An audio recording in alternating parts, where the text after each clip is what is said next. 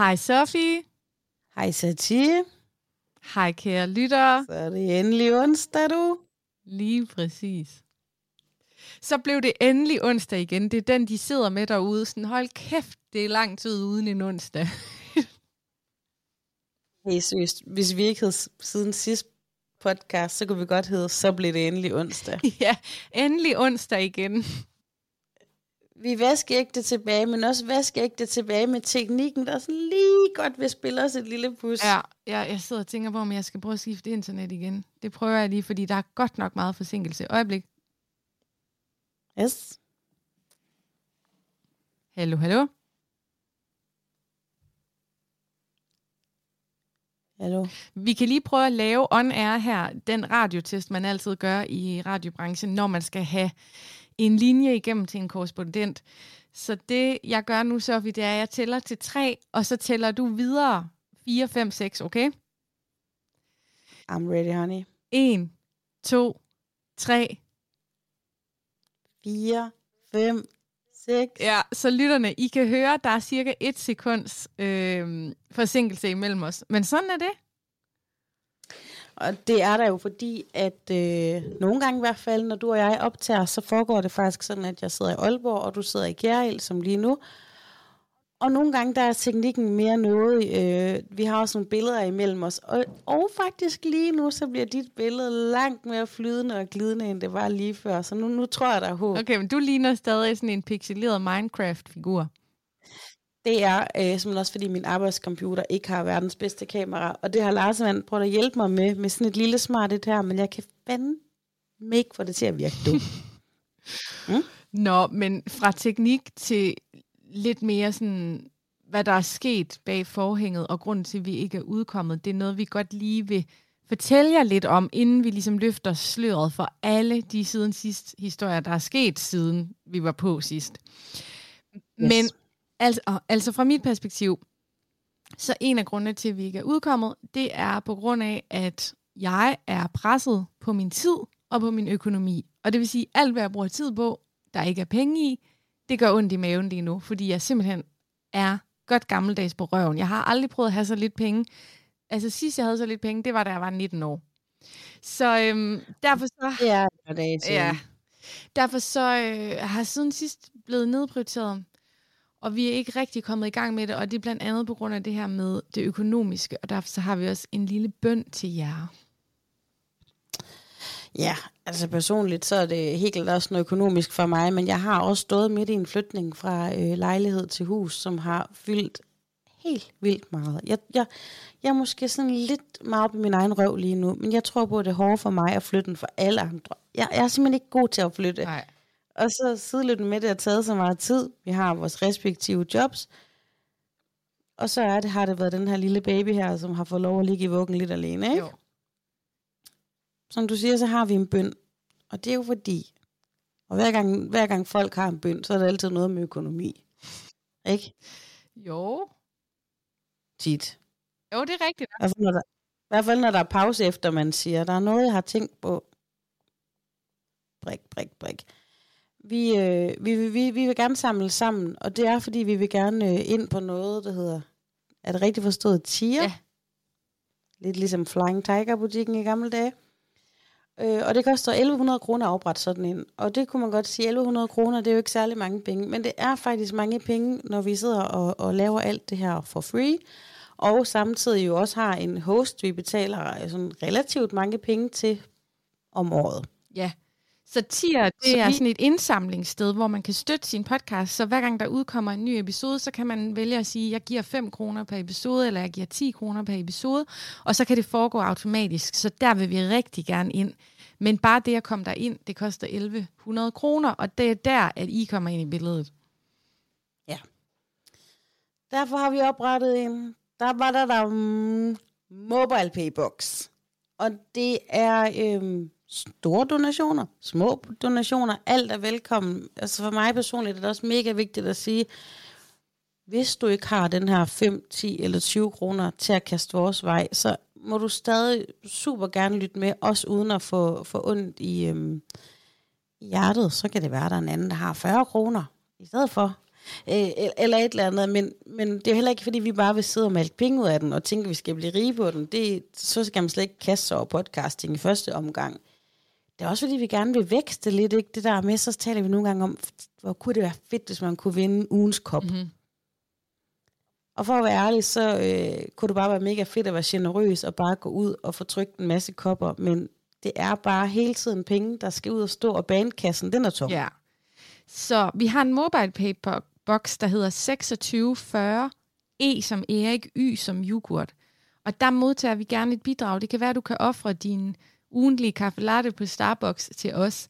Og det kan være undervejs, når du lytter med, at du lige tænker, hold kæft, Sofie, hun var sjov det der. Det var så sjovt sagt. Hun fortjener 5 kroner. Så sender du dem til 2640 EY. Så samler vi ind til at komme på tier, så I kan begynde at abonnere på den her podcast. Altså, det er jo den virtuelle udgave af, at du lige stikker en, øh, en seddel i, i strømmebåndet på striberen, ikke? Ja. Vi skal gerne stribe lydmæssigt for dig, hvis du lige prøver lidt penge i strømmebåndet. det kunne være helt vildt sjovt at sådan linke, pod, øh, linke podcasten med MobilePay-boksen, sådan at vi kunne se, sådan, hvad vi siger, når der bliver sendt penge.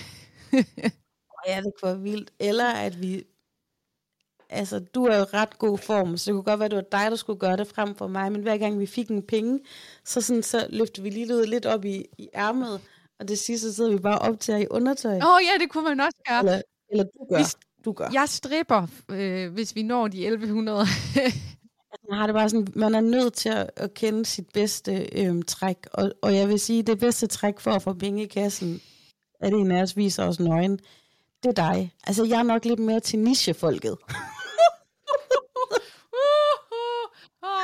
Nå, du mener en af dem der, der faktisk har siddet i den stol, du sidder i og gokket den af. Åh, oh, så syv søren. Jeg har ikke min egen headphones oh, med i dag, så jeg har nogle, jeg har nogle headphones, der nok er blevet svedige på et tidspunkt af andet end bare at lave radio, men ja. øhm, det kan du gå tilbage i vores tidligere udsendelser og lytte om. Ja. Nu er vi i hvert fald i gang, og vi har tækket, og I må gerne smide øh, den der tier, I vil have givet til en anden i vores kasse. Ja, og hvis du har brug for at se det på skrift, hvis du er talblind ligesom mig, så gå ind i vores show notes. Der ligger jeg også det her MobilePay box nummer ind. Nok om det. Lad os smide en jingle på.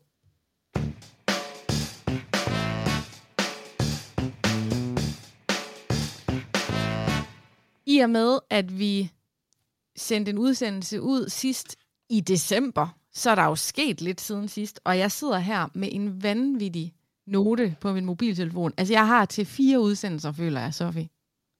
Det er da helt vildt. Øhm, jeg har også noget, jeg skriver også noget nogle gange, men jeg har, jeg har et problem. Jeg har, har det med at glemme ting, og jeg har øh, glemt min bog derhjemme, som jeg ellers sådan har gået og skriblet ned i, for jeg har også oplevet så mange ting i mit liv, hvor jeg har tænkt, den her, den, den er for god til at, den skal jeg virkelig dele med, med siden sidst. Mm-hmm og Sati, selvfølgelig ikke mindst. Øhm, men jeg kan jo godt starte ud med at sige, at jeg er flyttet. Ja. Det talte vi lidt om, inden at jeg skulle flytte hen i et hus, og der bor jeg så henne nu. Og det er stadigvæk ude i Vestbyen, og det er helt vildt dejligt. Og det er også, der den er friske energi, friske start, og jeg har gæster hele tiden, for nu der er, sådan, der er bare en anden energi, og er meget lettere i et hus. Det er bare det, vi har to toiletter nu, så når børnene er ligesom er puttet, så behøves der ikke øh, verdens det store stepshow foran af gæster, men, men det er hårdt, og det er hårdt mentalt. Jeg, jeg er så dårlig til at flytte, sig til. Der er mange mennesker, de er sådan, åh, det er mega fedt, og ny energi. Jamen, den havde jeg også i ganske kort tid, men du ved, der var stadig gamle kasser, der skal pakkes ud, og øh, altså, der var heller ikke super meget opbevaring sådan indbygget det hus, vi flyttede ind i, så det har også været noget, der skal planlægge det, må man heller ikke bare gå ud og bruge sine penge på det første og det bedste, fordi altså, så mange penge er der jo ligesom heller ikke, vel? Så det synes jeg er svært. Måske skal du fortælle lidt mere om, hvordan dit hus sådan ser ud. Det ligger jo på en villavej ja. inde i Aalborg. Ja, vi bor stadig i Aalborg, øh, lige bag stadion. Og så har vi øh, fået en have. Det er også meget nyt. Og den glæder jeg mig. Altså, vi går ned i haven lidt nu og sparker noget bold, og har kunnet tegne med kridt den ene gang, hvor fliserne har været tørre, men jeg glæder mig bare sådan helt vildt meget til at kan komme ud i det her drivhus og ja klippe med saks og sådan noget, fordi mange mennesker, de kender mig lidt som en bypige. Men jeg har jo også hele det her landgen og hestepige i mig. Altså, jeg, altså, jeg tror faktisk, jeg har haft fingrene i, i jorden langt mere end mange andre mennesker og kørt med trillebør og gravet, så jeg glæder mig til at skal det, fordi det er mega meditativt for mig at, at være udenfor og gøre noget. Så er det jo, et, ja, det, det er sådan en byvilla i to etager, og... Øh, ja, altså i, i et klassisk hus jo. Det er jo, det er jo en klassisk hvid villa. Ja, det er meget. Det er ikke sådan noget øh, stål og glas og helt glatte overflader. Det er sådan lidt nærmest, det er jo faktisk godt på en måde minde lidt om dit hus, men inde i byen. Ikke? Det er sådan ret hyggeligt. Og det slog mig forleden, da vi to vi talte i telefon, hvor du sådan kunne høre fuglene synge. Mm-hmm. Og det er bare så sindssygt, jeg kun har flyttet jamen, 300 meter nærmest, og det eneste, der var før, det var bare sådan nogle sure måger, du ved, der gik fuldstændig amok i baggården, til nu vågner man bare op til sådan noget snehvidefløjt ja, nærmest. Det, det, er, altså, det er så dejligt, og jeg kan virkelig mærke det der med at øhm, kan sætte fødderne på noget græs og bare mærke øh, universets summen, selvom vi stadigvæk er inde i byen. Det er så dejligt. Ja. Nu er vi jo i øh, starten af april, og øhm, mm. jeg har sådan tænkt på at lave en Instagram, en Instagram-opdatering, øh, hvor jeg simpelthen lige bringer en servicemeddelelse ud til mine følgere, at jeg bare lige vil informere dem om, at jeg ikke er i gang med at forspire noget, og at jeg heller ikke har gang i et strikke, strikkeprojekt. Det er meget sjovt, du siger det. Fordi for nylig, der øh, havde jeg noget, hvor jeg skrev, hvor jeg havde sådan, alle dem, der ikke vinterbader eller laver keramik, rækker hånden. Seriøst. Det var meget det her. Sofie, altså, mit største mindre værd, efter jeg er flyttet på Djursland og har fået en del øh, helse-hippie-venner og sådan noget herude, det er det der med forspiring. Jeg svæver, det er ligesom at stikke sådan en, øh, et samurai-svær ind i min mave, hver gang jeg ser det. Jeg kan ikke klare det der forspiring. Gå så væk! Jamen altså, her der er det jo så, jeg kan, det er to sider af samme sag, for her der er det sådan alle mine artifarts veninder, der har kolonihaver. Mm-hmm. Og de begynder også at tale, for jeg har faktisk et fuldt funktionsdygtigt og ret nice drivhus i min have nu. Og så var han sådan, Uh, uh, vil du have nogle chili-planter? For det første, jeg kan ikke lide stærk mad. For det andet, nej, fucking tak. Jeg skal have en agurk til mine børn. Det gik nær i that's all. Og jeg køber den sikkert forplantet ude i billigblomst lige om lidt, du ved. Men vi er begyndt på forspiring. Hold din kæft. Men så tror jeg alligevel mig selv, at jeg prøver at være en anden for nylig, for jeg var sådan, uh. er det der med at forspire for sent, eller kan jeg stadig være med? Og bagefter tænker jeg sådan, stadig være med? Jeg vil grave nu jord, og ikke forspire. Nej, jeg kan slet ikke rumme det. Forspiring, og så strikkeprojekter, og så det der med at kunne navnet på alle urter og planter. Det er mit største mindre værd, efter jeg flyttede på landet.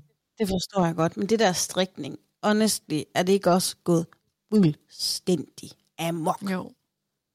Altså den der Lærke Bakker eksempelvis. Det er da meget flot, det hun laver. Men to be honest, i 1992 hjemme i Holme, en kreation, som hun har lavet der, det er sådan et folk, vi smed direkte i skraldespanden efter bedstemor, hun var gået. Mm-hmm. Og nu der koster det flere tusinde kroner. Det var sygt, ikke? Du kan blive millionær af at strikke i dag. Men også, hvor mange striktråder skal man egentlig have? Fordi umiddelbart, så har jeg altid været, at uld, det skal luftes, det skal ikke vaskes. Så hvis du egentlig bare har to kørende, så er du selvforsynende. Mm-hmm. Eller ikke selvforsynende, men du er forsynet. Ja. Nå, men det var også totalt et sidespor. Du er flyttet, og det er dejligt. Det er sindssygt dejligt. Jeg glæder mig, og der er sådan en lille, lille annex ude i haven, hvor man kan sidde og få hyldeblomst eller rosévin, eller hvad man nu har lyst til om sommeren. Jeg forestiller mig det. Jeg skal bare lige have fat i noget keramik og noget strik, så jeg kan sidde dernede og hygge mig.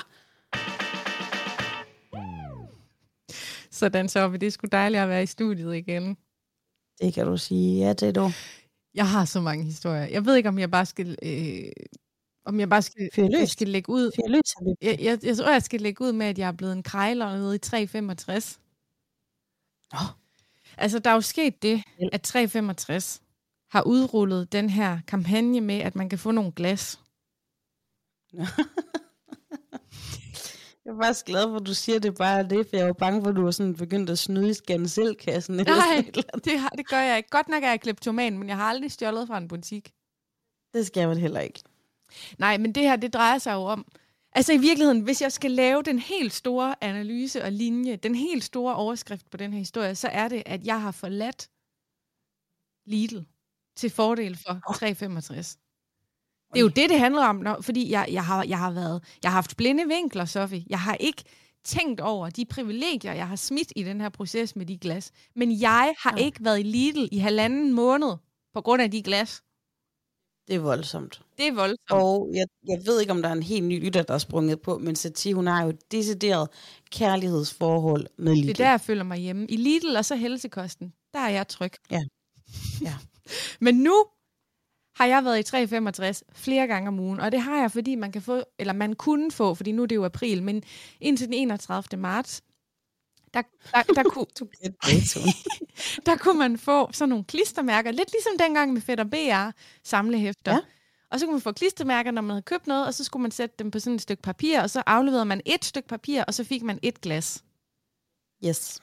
Og nu optager vi det her lidt før, det udkommer, men i skrivende stund, der har jeg 15 glas. Du er nødt til at fortælle mig, selv med min ringe matematiske hjerne, hvor mange, øh, for det er jo typisk noget, at man skal handle for et vist beløb, før man får et mærke. Okay, vi laver regnestykket, fordi man får et mærke efter 30 kroner. Mm. Ikke også? Og man skal have 30 mærker. Skal jeg så ikke sige 30 gange 30? Er det rigtigt? 900 jo. kroner. Så i princippet så koster et glas 900 kroner. Men... Nej, det kan ikke passe. Der må være noget billigt. Nej, Ej, jeg nej, nej, Sofie, det er fuldstændig rigtigt. Min øh, venindes mand, han har regnet det samme ud. Han var så pisse sur på hende over, at hun ville samle et glas for 900 kroner. Men Om sød skat, du kan jo Finlands konblæs glas til den pris. Hold, hold, hold. Vi er slet ikke færdige med historien. Jeg har ikke samlet glas for 900 kroner. Det er en krejlerhistorie, det her. Oh yes! Ja. For det første, de snyder af helvedes til med de mærker op i Glæsborg 365. op i Glæsborg 365. og nu har jeg testet i andre dele af landet, når jeg har været på tur.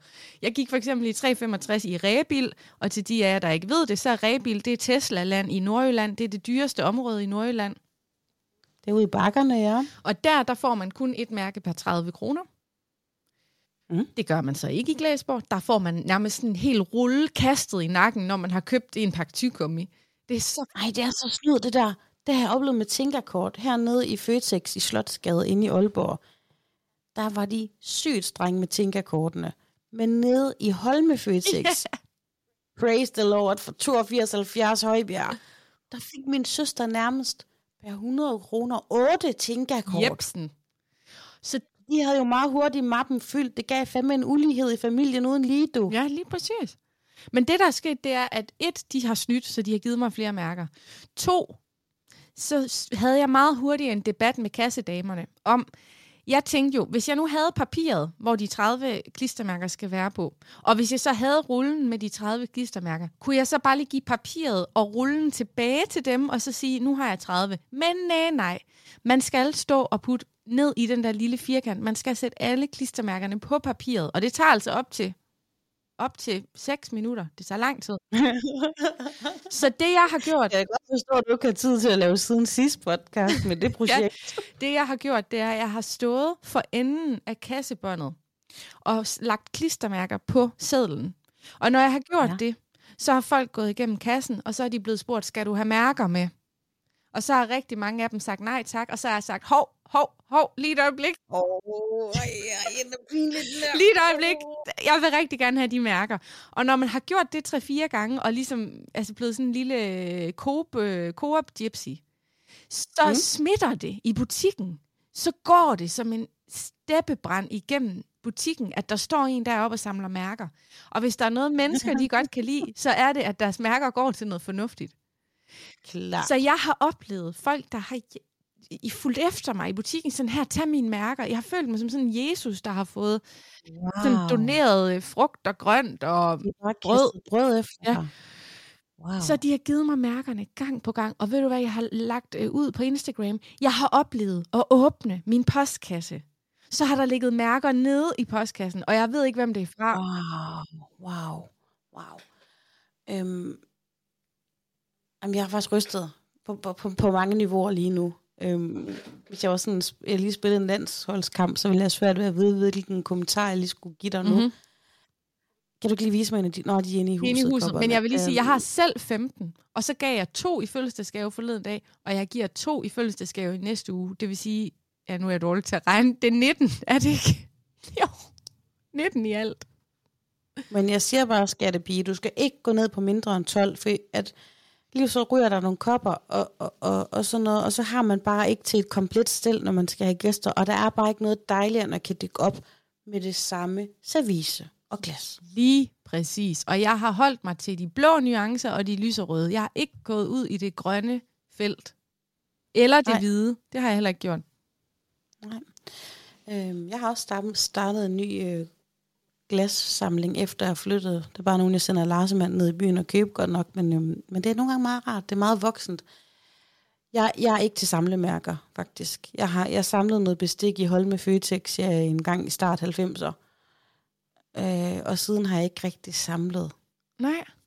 Det, du bliver ikke Nej. tændt som sådan en lille... Altså, jeg ved ikke, hvad der er ja, kommet op ja, jeg, jeg, kunne, jeg kunne faktisk på en måde godt øh, være blevet tændt her, fordi at man, du betaler ikke noget. Er det rigtigt forstået, at du betaler ikke noget for kopperne, når du ligesom afleverer hæftet? Lige præcis. Det er den skønneste følelse. Ja. Du giver et stykke papir, og du går med glas.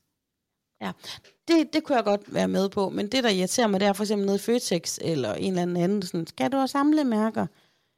For at jeg kan få lov at købe et, du ved, Altså, så det bare kan købe et eller andet til nedsat pris, så skal jeg alligevel have penge op af lommen, du ved. Men hvis jeg kan samle, ligesom få et Tinkerkort eller et BR-mærke, så er jeg med på det. Ja. Så jeg kan godt forstå dig her egentlig.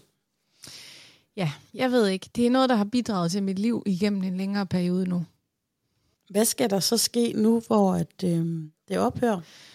Jamen, jeg ved det snart ikke. Men jeg tænker på, om jeg kan ligesom overføre min nye strategi for at få ting fra folk ved at stå for enden af kassebåndet. Hvordan? Du kan jo, jeg har jo en, jeg har en rigtig god idé.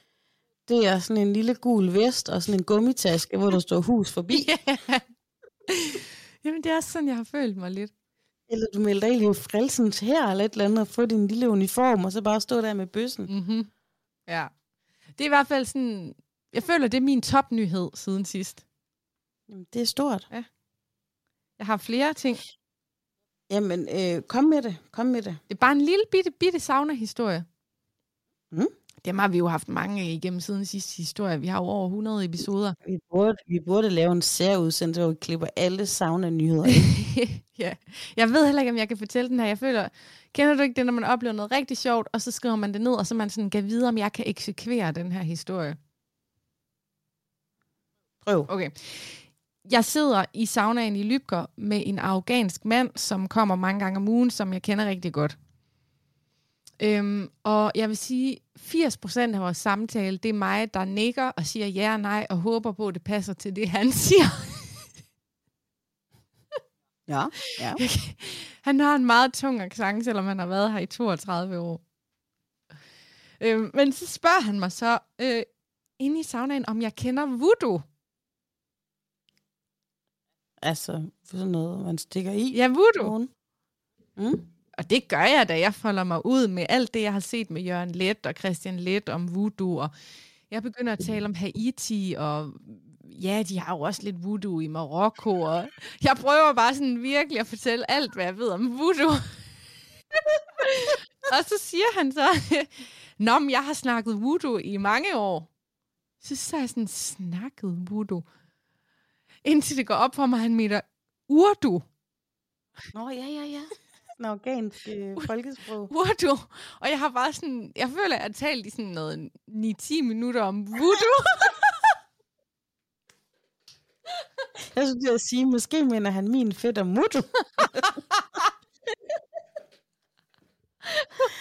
okay. Og så jeg ved bare, at han sidder og bare nikker og siger ja og nej til mig. Men nogle gange så er det fine, at man behøver ikke forstå hinanden for at have en god samtale. det er lige præcis det. Åh, oh, ja. okay. Jeg, øhm, jeg har oplevet noget hjemme. Der er jo det der med, at vores børn faktisk ikke ser hinanden så tit mere, som de selvfølgelig har gjort, da vi boede i samme by. Men vi to, vi har, øhm, altså med min lille Kaja Rose, der er fire år nu, øhm, og Aisha, der er seks år, som er din, så er der jo simpelthen ligesom history repeats itself. Mm-hmm.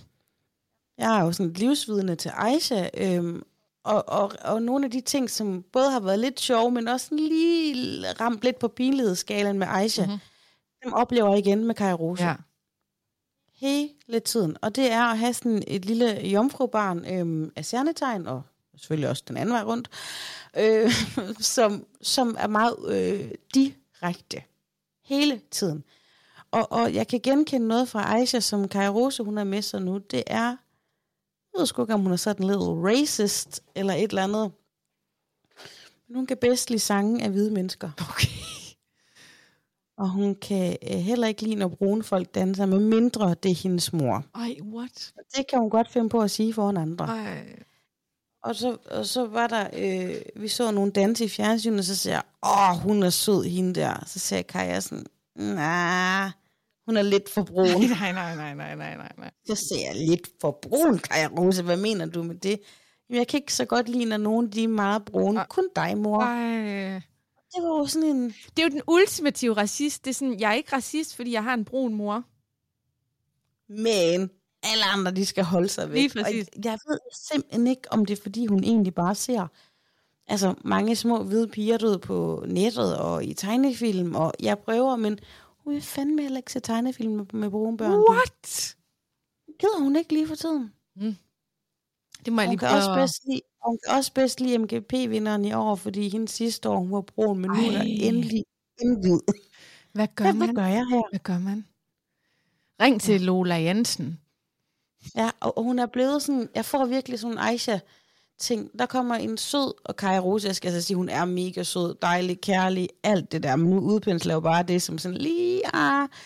Øh, der kommer øh, en, en veninde og hendes barn hjem til os for nylig, og det første venindes barn gør, det er at komme ind og bare give Kaja Rose sådan en super fed, fin lille diadem. Og så kigger Kaja på den, og så siger hun bare, nej tak, jeg har sådan en i forvejen. Og egentlig så er det jo meget sødt, at pigen ikke vil tage noget fra andre, hun allerede har. Men det var ikke med den. Det var ikke sådan et generøst nej Nej. tak. Det var bare no. Tak, men nej, Og jeg tak. tror, at det der sker, det er, at hun bliver faktisk lidt generet på en eller anden måde, og så kommer hun til at blive super kajtet. Ja. Ej, de er sgu hårde, de neder der. Men nogle gange så er det lidt sådan svært at stå og se på, når ens barn opfører sig på en måde. Man, altså en ting er jo selvfølgelig skaj ud nede i Føtex og vil have en slikkepind. Det kan jeg sådan forholde mig til. Men faktisk når ens barn nogle gange viser et trick, eller kommer til at gøre noget, hvor man bare tænker, ah, det der, det er bare ikke super sødt at være sådan. Det synes jeg er slemt. Ja, den er svær. Jeg tog også et ordentligt opgør med min lille pige i går. Hun har sådan noget med, hun har fundet ud af, at mit svageste, mit svageste sted, det er det her med at sige hej og farvel. Altså når der bliver sagt hej til nogen, at så svarer man. Eller hvis der er nogen, der siger farvel, det kan være i SFO'en, det kan være til familiearrangement. Hvis der er nogen, der henvender sig til min seksårige, så vil jeg rigtig gerne have, at hun svarer. Helt Og det er klart. en principsag, og det har mig og Aisha kæmpet med i årvis. Fordi hun lukker i som en østers. Så sidder vi i bilen på vej til en fødselsdag i går. Og jeg tænker bare, alt kører, vi sidder og scroller med på MGP, alt er godt, vi er på pigetur. Og så de der ni minutter før vi ankommer til fødselsdagen, så siger hun, mor, øh, jeg siger ikke hej til nogen, når vi kommer. Ej, Og så siger jeg, jo, det gør du. Så siger hun, nej, det gør jeg ikke. Og så, så starter helvede.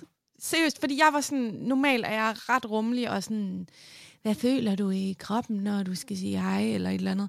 Men jeg er bare sådan, Klart. det her det er en principsag for mig. Du siger hej og farvel.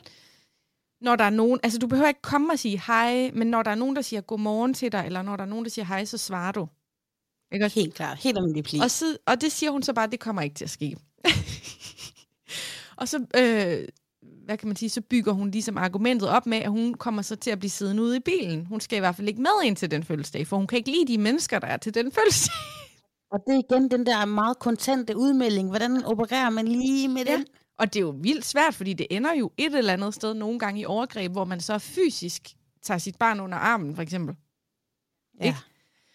Men øh, vi eskalerede den. Ja, man kan næsten også komme til at latterliggøre barnet lidt, ikke? For så er man sådan, jeg siger lige hej for Kaja Rose, fordi det vil hun ikke selv, og så bliver det jo også, du ved, meget au, au, Ja, au, ikke? Den er svær, ikke? Men for mig var det bare en principsag, som jeg gik hele vejen med i går.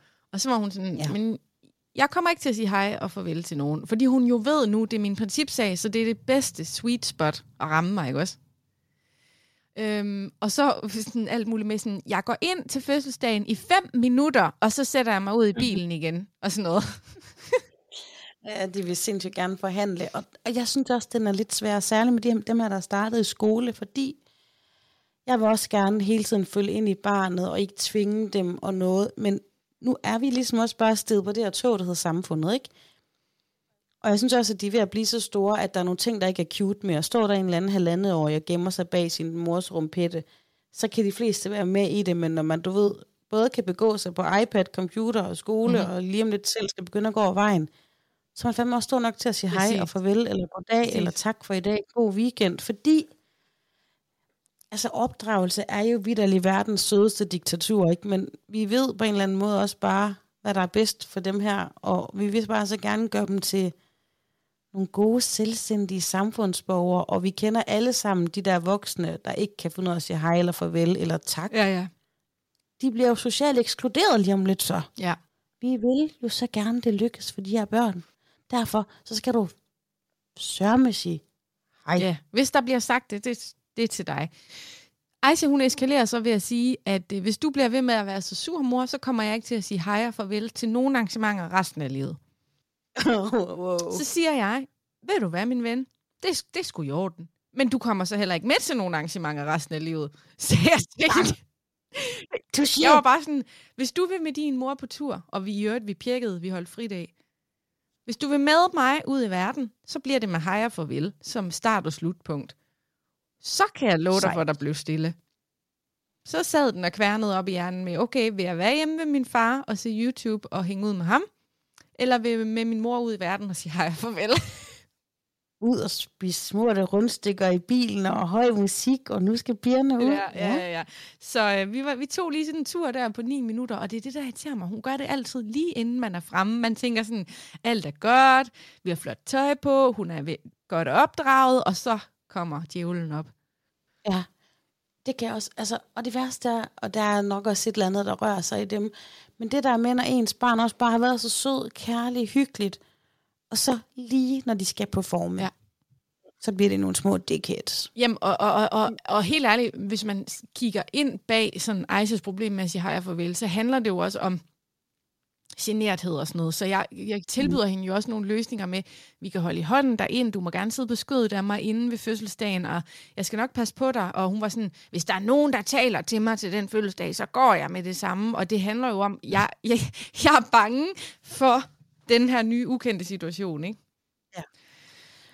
Og jeg bliver jo altså 40 år i efteråret, og jeg har jo faktisk stadigvæk svært ved at sige hej. Ikke til nogen, jeg kender eller noget, men jeg har jo sagt til dig før, og til lytterne her, det værste jeg ved, det er, at jeg skal komme ind til sådan et, et større arrangement, hvor jeg ikke kender folk og skal sige goddag. For det første, så bliver jeg stadig meget mærkelig over, hvis for folk har det med at stå på række. det. Der med, hej, hej, hej, og så og så føler jeg, hvis jeg så varierer det for meget, hej, halløjsa, hej, jeg hedder Sofie, Sofie er mit navn, Sofie. Du ved, hvordan skal man gøre det, så det bliver bare sådan en lang række. Sofie, Sofie, Sofie, Sofie, Sofie, Sofie, ikke? Det er seriøst, det der, det er en af de sjoveste ting i vores kultur. Jeg kan ikke, og jeg får det. Altså, jeg har også lyst til at have en voksen at sige til, jeg siger ikke hej i dag. Og jeg kommer både til lidt for sent, eller lidt for tidligt, eller sådan prøver at udregne, hvornår er det bedste tidspunkt. Og så bliver jo sit joke of the day, bliver sådan, der bare kommer ind og sådan, hej alle sammen, ja. jeg hedder Sofie. Fordi jeg gerne vil slippe for at give hånd, og så har jeg alligevel egentlig fået gjort langt mere opmærksom på mig selv, end jeg havde lyst til. Ja. Men jeg synes også, det er faktisk svært. Den er sgu svær, men øh, jeg tog kampen, og ved du, hvad der, ved du, hvad der så skete? Karma kom lige ind fra siden. Da vi ankommer til adressen til fødselsdagen, ja. så har oldemor og oldefar misforstået aftalen, så de er allerede klar til at hente hende en time tidligere. Så hun ender ikke med at komme ind og banke på til den følelse, at komme ind og sige hej. What? Ej, hvor sindssygt. Hun fik lige manifesteret en, en redningsvest ud. Den lader vi lige hænge.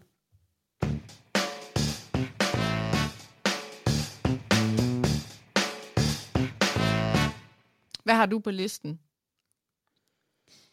Jamen, altså, det, det er faktisk igen noget med noget brun. Det, det er sådan en lille bitte en, den her, ikke? Men øhm,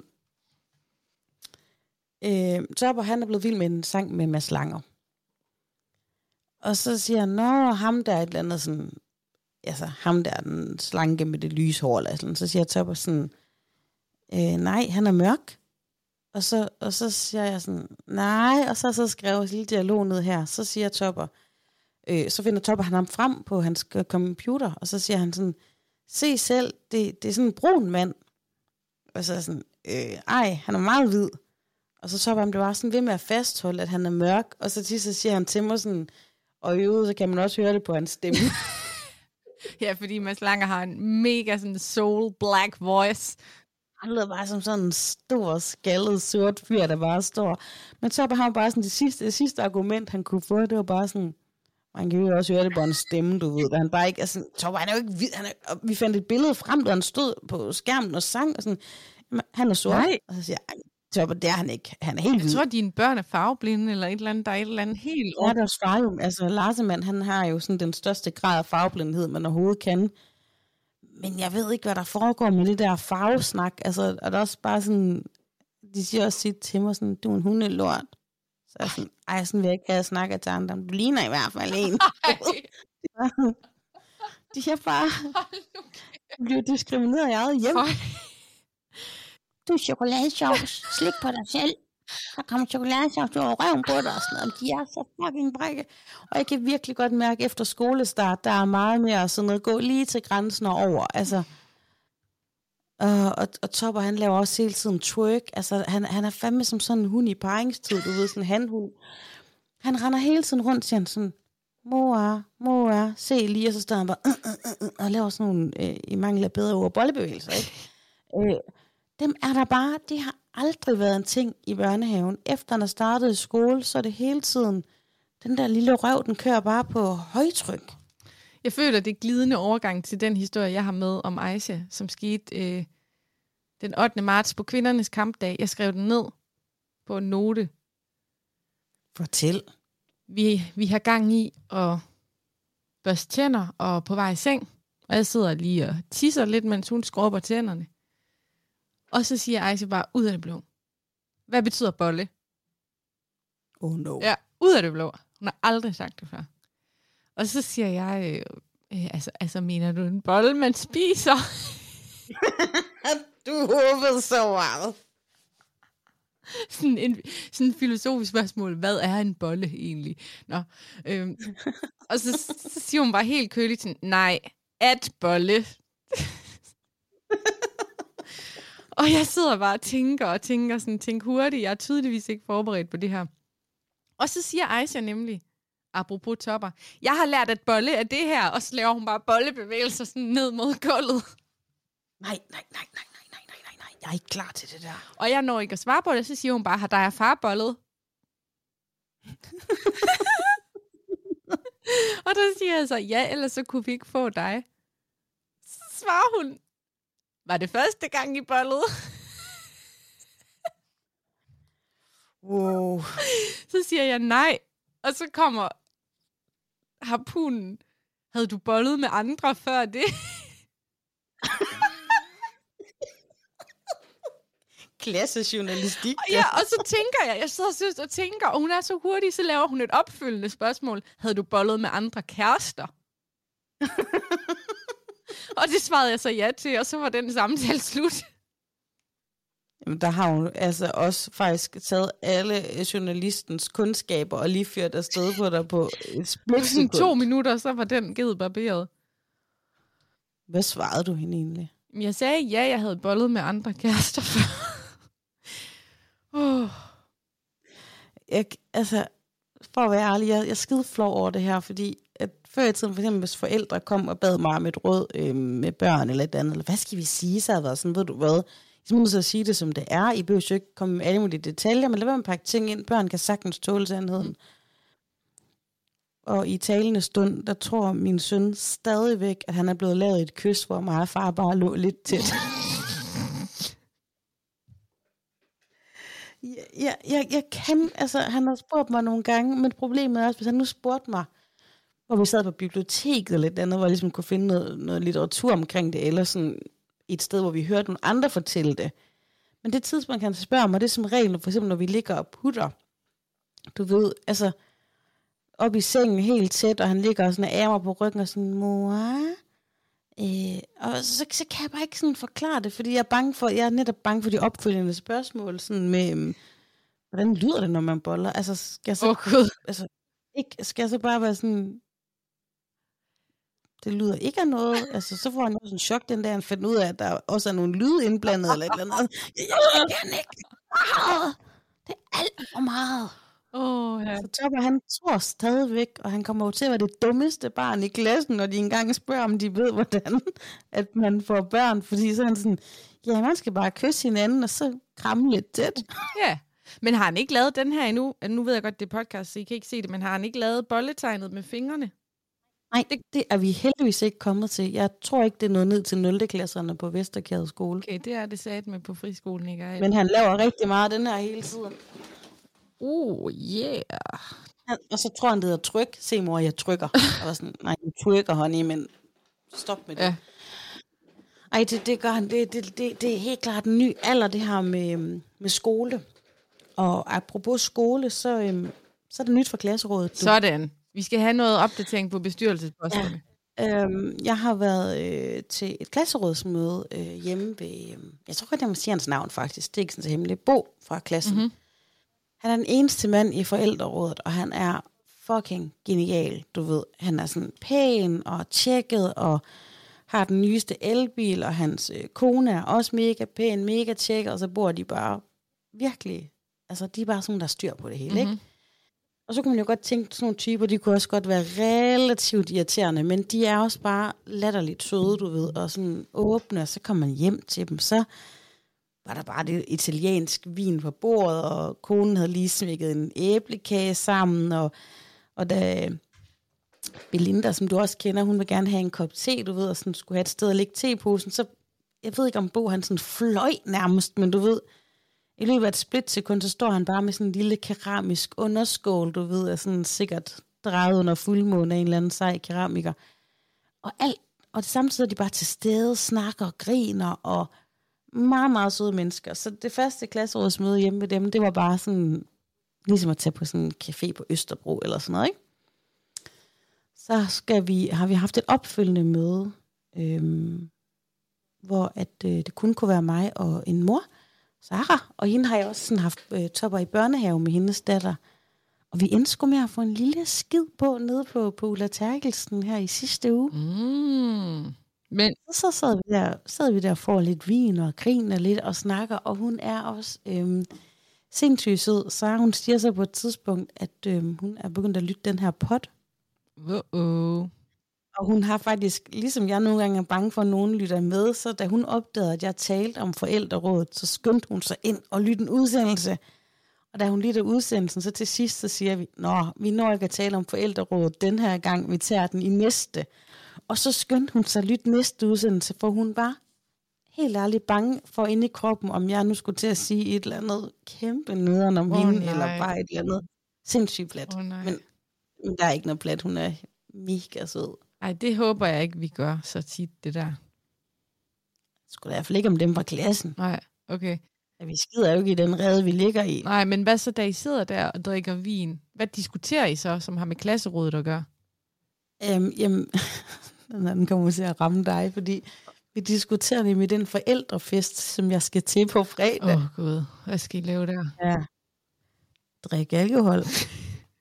Jamen, det glæder jeg mig til at få en opdatering på, om det nu gik helt. nej, men så sidder vi der og snakker, og jeg kan bare mærke, altså nu er Sara ikke middelmodig, men jeg kan alligevel mærke, altså barne på nogen, i mit, altså en gang der tænkte jeg, at, at toppen af at skulle være social og have det fedt, det skulle måske, du ved, være at stå med en lækker øh, drink i mediebyen backstage på Roskilde eller et eller andet. Mm. Ikke? Du ved, det, skulle være, det, det skulle være større, det skulle være vildere, det skulle være sejere.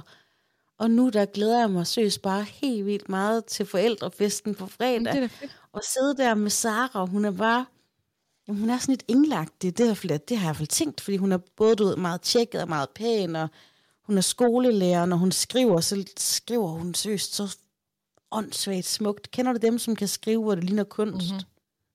Hun har sådan en bog, og det hele står lige, og det er flotte bogstaver, og det er, sådan, det er så pænt, når hun skriver. Men så sidder vi der og snakker, og så er hun alligevel også bare, du ved, øh, ikke sådan sårbar, men et helt almindeligt menneske. Jeg har tit tænkt, at hun er sådan en, der bare er top-tjekket. Mm-hmm. Og så siger hun nogle ting til mig, hun bliver usikker på, og så siger jeg nogle ting til hende, jeg bliver usikker på. Og nu har jeg bare opdaget det fedeste, det er bare at møde folk i klassen. Mm-hmm. Er, er det så alle, der støtter op om den fest? Øh, nej, indtil videre, så kommer der 15. Det er da også Ja, meget det, godt, jo, ikke? det er da mega godt. Og så tror jeg, når folk sådan lige... Altså, vi er stadigvæk i den fase, at, at vi føler, at det, det er nyt at gå i skole, og der er også mange, der ikke kan styr på, hvilke børn, der hører til hvem helt endnu, og, og så er der mig derude, der bare går Sherlock Holmes til værk. Du har bare lavet sådan en hel. Reddit-channel kun om, om, om jeres klasse. Jeg skal også passe på, at jeg ikke bliver sådan en, folk bliver bange for, fordi de sådan tænker, "Åh, hvad har hun på mig? Ja. Øhm, jeg er bare oprigtigt interesseret. Jeg, synes, det er spændende at lære dem alle sammen at kende. Det er der, jeg er nu. Det er så godt, og det er inspirerende både for mig, men forhåbentlig også for jer lyttere derude.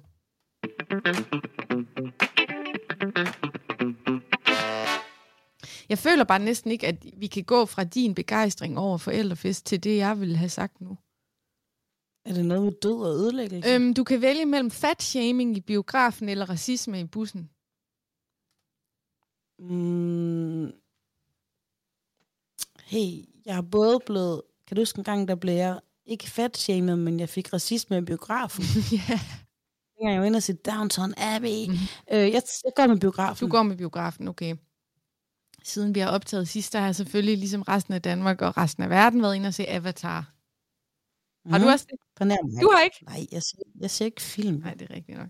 Men der er i hvert fald rigtig, rigtig mange, der har været inde mellem jul og nytår særligt og se Avatar. Og det var jeg også, fordi det sådan er en fast familietradition, at mine forældre inviterer mig og mine søskende ud øhm, og se en eller anden film mellem jul og nytår. Og det var så Avatar, og den varede tre timer. Det var en vild oplevelse. Men den vildeste oplevelse ved det, det var det, der skete på rækken foran os, øh, lige inden filmen begyndte. Der var fuldt hus derinde. Nu ved jeg ikke, hvor mange der kan sidde i den største sal i Cinemax i Aarhus, men jeg gætter på 500, 600. Den er virkelig stor, ikke? Ja. Ja. Øhm, og det var den mand, der sad lige foran mig også. Han var rigtig, rigtig stor. En stor, dejlig mand. I hvert fald over 100 kilo.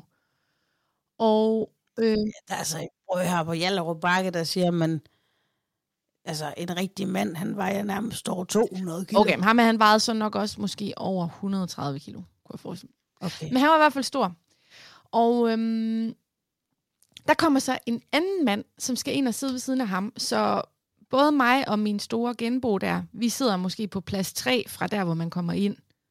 Og så Mm. plads 4, der, den er så tom, og plads 5 ved siden af ham er tom. Så der kommer en, der skal ind der og sidde. Og jeg er helt sikker på, at det er en, han kender. Mm. Men den her slanke mand i 40'erne kommer så ind forbi den store mand. Jeg synes godt, man kan sige stor mand i den her Tobias øh, Rahim æra. Jamen, vi behøver jo heller ikke at sugarcoate ting. Altså, hvis han var en stor overvægtig Ja, mand. det var han. Og den slanke mand går så forbi, sætter sig ned, giver den store mand en lammer og siger, ha ha ha, jeg havde slet ikke forventet, at jeg skulle sidde ved siden af sådan et stort brød. Nej. Jo. Og, og du tror, altså, vi kan lige så godt lige, de kendte ikke hinanden. Ej, og det troede jeg jo, da den kommentar, den Klart. faldt. Der var jeg helt sikker på, at de øh, kendte hinanden. Fordi, Altså, den har været over grænsen til en, man kender, men der er jo nogen, der har den jargon imellem hinanden, jo, ikke? og det var jeg helt sikker på. Og min far, han bemærkede det nemlig også. Han spidsede også ører. Og så den her store mand, han sidder bare og stiger ud i luften og kigger op på lærredet. Og seriøst, jeg, jeg svæver. Mm, Han svarede ikke, han rykkede ikke sit hoved, han sad bare og ligesom slugt den her kommentar. Ej, jeg er lige ved at grave. Ej, det var, det jeg var så grænseoverskridende. Også fordi, at den der slanke mand der, han gav ham en lammer. Det var bare sådan, okay, du har aldrig mødt det her menneske før. Du sætter dig ned ved siden af ham, og så på en klam måde fortæller du ham, at han er tyk, og du giver ham en lammer. Åh, hvor synd. Faktisk, når jeg lige tænker tilbage, lad os gå hen på mig. Dengang jeg var biograf med Downton Abbey, det var faktisk ikke øh, kun racisme, det var faktisk også øh, min størrelse, jeg blev chikaneret over. Hvad var det nu, der skete? Jeg har glemt det. Jeg har faktisk også glemt det lidt selv. Jeg kan i hvert fald huske, det var sådan mega ubehageligt. Mig og min søster var i hvert fald i biografen, og der sad nogle damer, og jeg kan ikke huske, om der både var noget racisme indblandet, men det var faktisk det var, det var noget med min størrelse. Ja. Og jeg tror faktisk, jeg har fortrængt det lidt øh, i, i rækken af irriterende ting, der er sket gennem årene. Men, øhm, men det var et eller andet. Det kom bare lige tilbage til mig. Det var fandme ikke, det var ikke noget med min farve, fordi så havde jeg ligesom også ramt, med min, ramt min søster. Det var, det var noget med min størrelse. Ja. Ja, det var det her også. Og jeg tror egentlig, han prøvede at sige sådan, åh oh, nej, nu skal jeg sidde ved siden af en, der fylder helt vildt meget.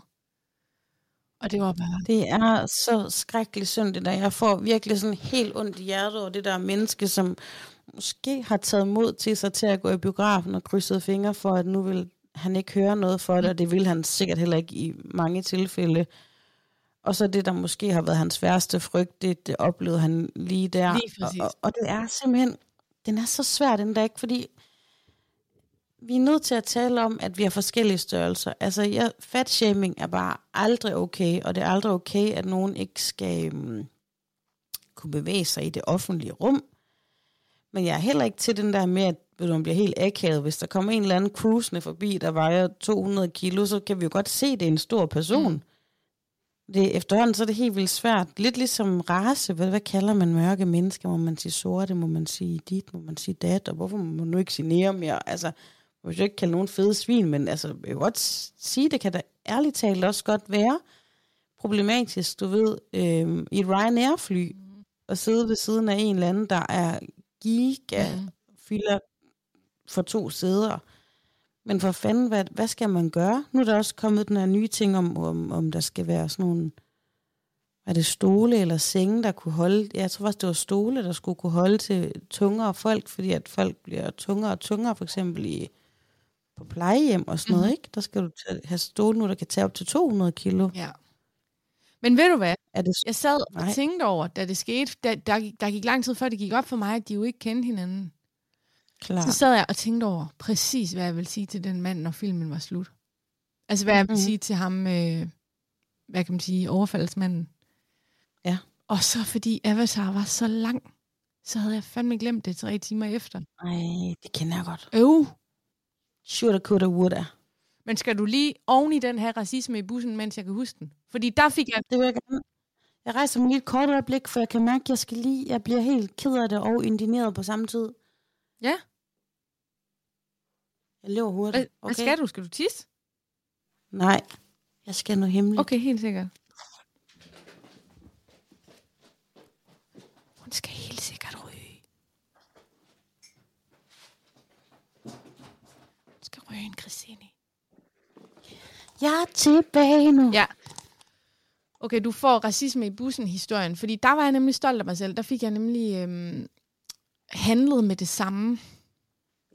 Fortæl. Så forleden dag i vores øh, by, Danmarks bedste by, Aarhus, der skulle jeg med en gul bus, og det er sådan en nostalgisk følelse at tage sådan en der gul bus, som man har taget hele sin ungdom, ikke? Men jeg, yes. jeg, havde været, ja, jeg havde været til et foredrag og skulle hjem om aftenen. Klokken var 8 om aftenen, og det var lørdag i Aarhus. Øhm, og der var faktisk ikke ret mange mennesker i den der bus nummer 12, tror jeg det var. Og jeg satte mig hele vejen op til chaufføren, som var en ældre mand af asiatisk udseende. Og jeg sidder bare i min egen verden. Og så et par stop henne, der kommer der en øh, hvid, gammel, lidt halvovervægtig mand op til chaufføren. Jeg vil kalde ham en pensionist-type. Kalder ham bare pensionisten. Yes. Øhm, ja. øhm, og han kommer så op og siger, hvorfor kom du fire minutter for sent til stoppestedet? Og så siger chaufføren, at øh, det er fordi, der er rigtig mange stop, og der er rigtig mange mennesker, og det er naturligt at komme fire minutter for sent. Ja. Og så reagerer pensionisten sådan her, øv, øv, øv, det er for dårligt. Det er fandme for dårligt, din skide japser. Nej. Jo, og så får han også sagt kinøjser, og at, øhm, det kan bare ikke passe, og det er bare for dårligt, og han er bare mega vred. Og så begynder han at trække tilbage mod sit sæde, som er langt tilbage i bussen. Og jeg vender mig faktisk med det samme om, og siger højt til ham, at den der opførsel kan han godt droppe, og det ikke er i orden, det han siger, og at, man, at, at manden bare passer sit arbejde. Så det der, jeg sagde til ham, at han skulle stoppe med at sprede gylde på den måde. Og det ignorerer han bare, som om han overhovedet ikke har hørt det, og han går så ned og sætter sig på sin plads. Og så øh, sidder jeg i min egen verden, og der er en somalisk fyr, der sådan sidder tæt på mig, som henvender sig og siger, at han er rigtig glad for, at jeg stod op for den her buschauffør. Mm. Øhm, og jeg tager så høretelefoner i ørerne og hører musik, og så går der lige et par minutter, og så ud af det blå, som, trold, som en trold op af en æske, så er ham her pensionisten helt oppe i mit felt, har fat i min arm, skriger mig ind i no. hovedet. Ja. No. ja. Så han sidder på det sæde, hvor der ikke sad nogen siden af mig, og skriger mig ind i hovedet, at jeg skal knytte sylten og skal blande mig udenom. Og han, du ved, jeg kan mærke hans spyt i mit ansigt. Ej, ej, hvor grænseoverskridende. Ja. Men jeg reagerer prompte og bare råber, du skal ikke røre ved mig. Og så får han sådan en chok, så han sådan trækker sig tilbage. Stærkt, stærkt du råbte. Ja, det var så godt. Og så kommer det, det bedste ved den her historie. To unge fyre, måske i starten af 20'erne, bare fuldstændig mander ham der pensionisten op med deres kroppe. De laver sådan en sandwich omkring ham. Okay, wow. Ja, og så, Det skulle man filme der. Det, det, det, det er sådan noget anabil jeg noget. ved, om der ikke er nogen, der har filmet det i bussen.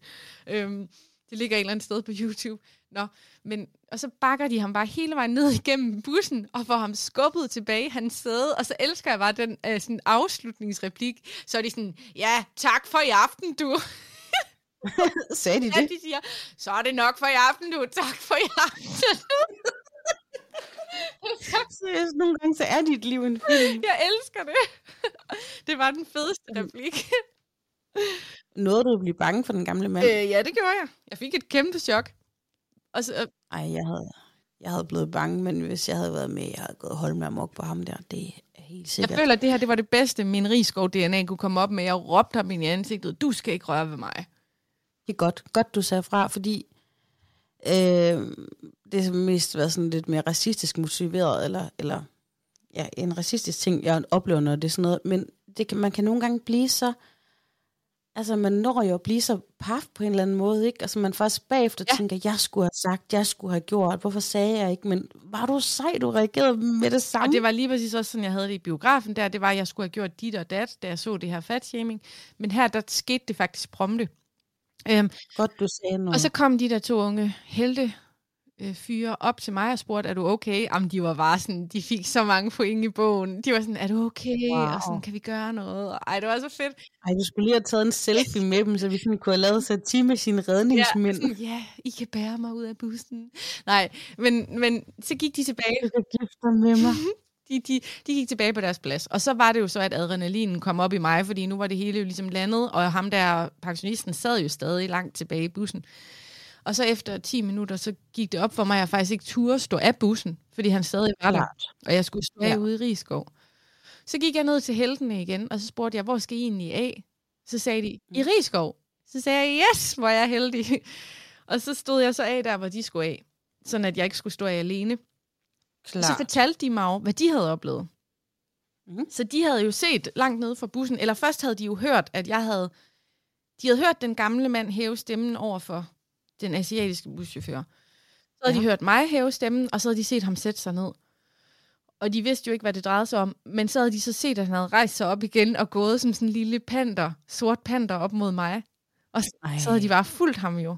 Og så havde de bare set, hvad han havde gjort der. er det også sindssygt, at han sidder og ulmer. Jeg går ud fra, at der gik en lille smule tid. Mm. Ikke? Så sidder han og ulmer, og så skal han lige op og, og gå amok på dig. Hvad fanden er han for en idiot? Ja. Så jeg stod af med dem og fik øh, historien, og inden vi var stået af, der havde de faktisk gået op og sikret sig igen igen, de var så nice, så havde de sikret sig, at chaufføren ikke var bange, fordi vi havde den her mistanke med, at pensionisten bare ville blive siddende til endestationen. Nå ja, så han rigtig kunne ja. få afløb på al sin vrede på den søde chauffør. Præcis. Det, er- det er simpelthen, altså det er jo både et stigende problem. Øh, Min svigermor, hun kan jo puste i København. Men det der med, at man ikke kan passe sit job, uden at skal, skal overfaldes, om du er socioassistent, eller sidder i en butik eller en skranke. Ja. Hvad sker der her egentlig i vores relativt privilegerede, sikre verden, at man tror, man må gå ud og overfalde andre mennesker? Altså, hvad er det? Hvorfor? hvor, altså, jeg tænker nogle gange også, hvilken dag har han haft? Hvilket liv har han, siden han tror, at man sådan skal overfalde andre mennesker? Altså, det er forfærdeligt. Fire minutters forsinkelse.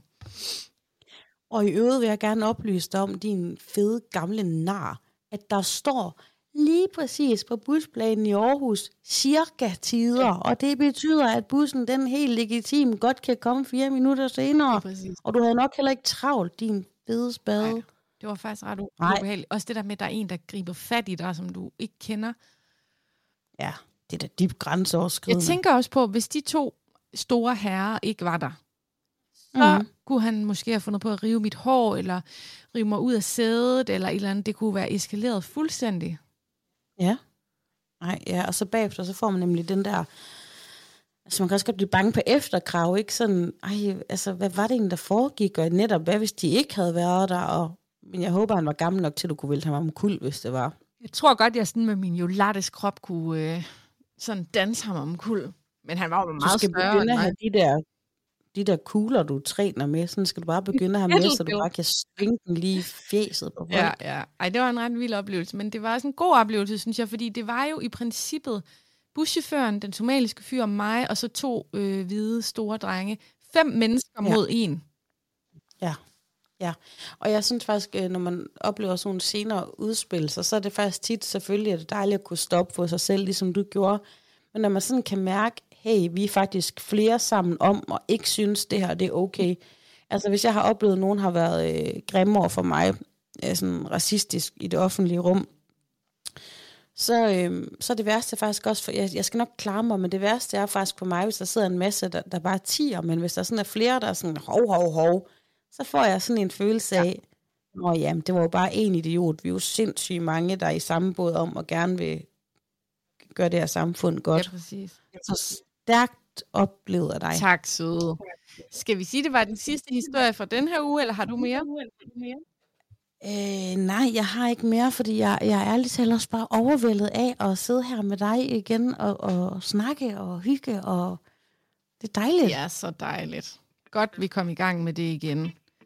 Og hvis I har lyst til at vise jeres øh, respekt og vise, at det har værdi, at vi er kommet i gang igen, så er I jo så velkommen til at sende et valgfrit beløb på MobilePay 2640 EU.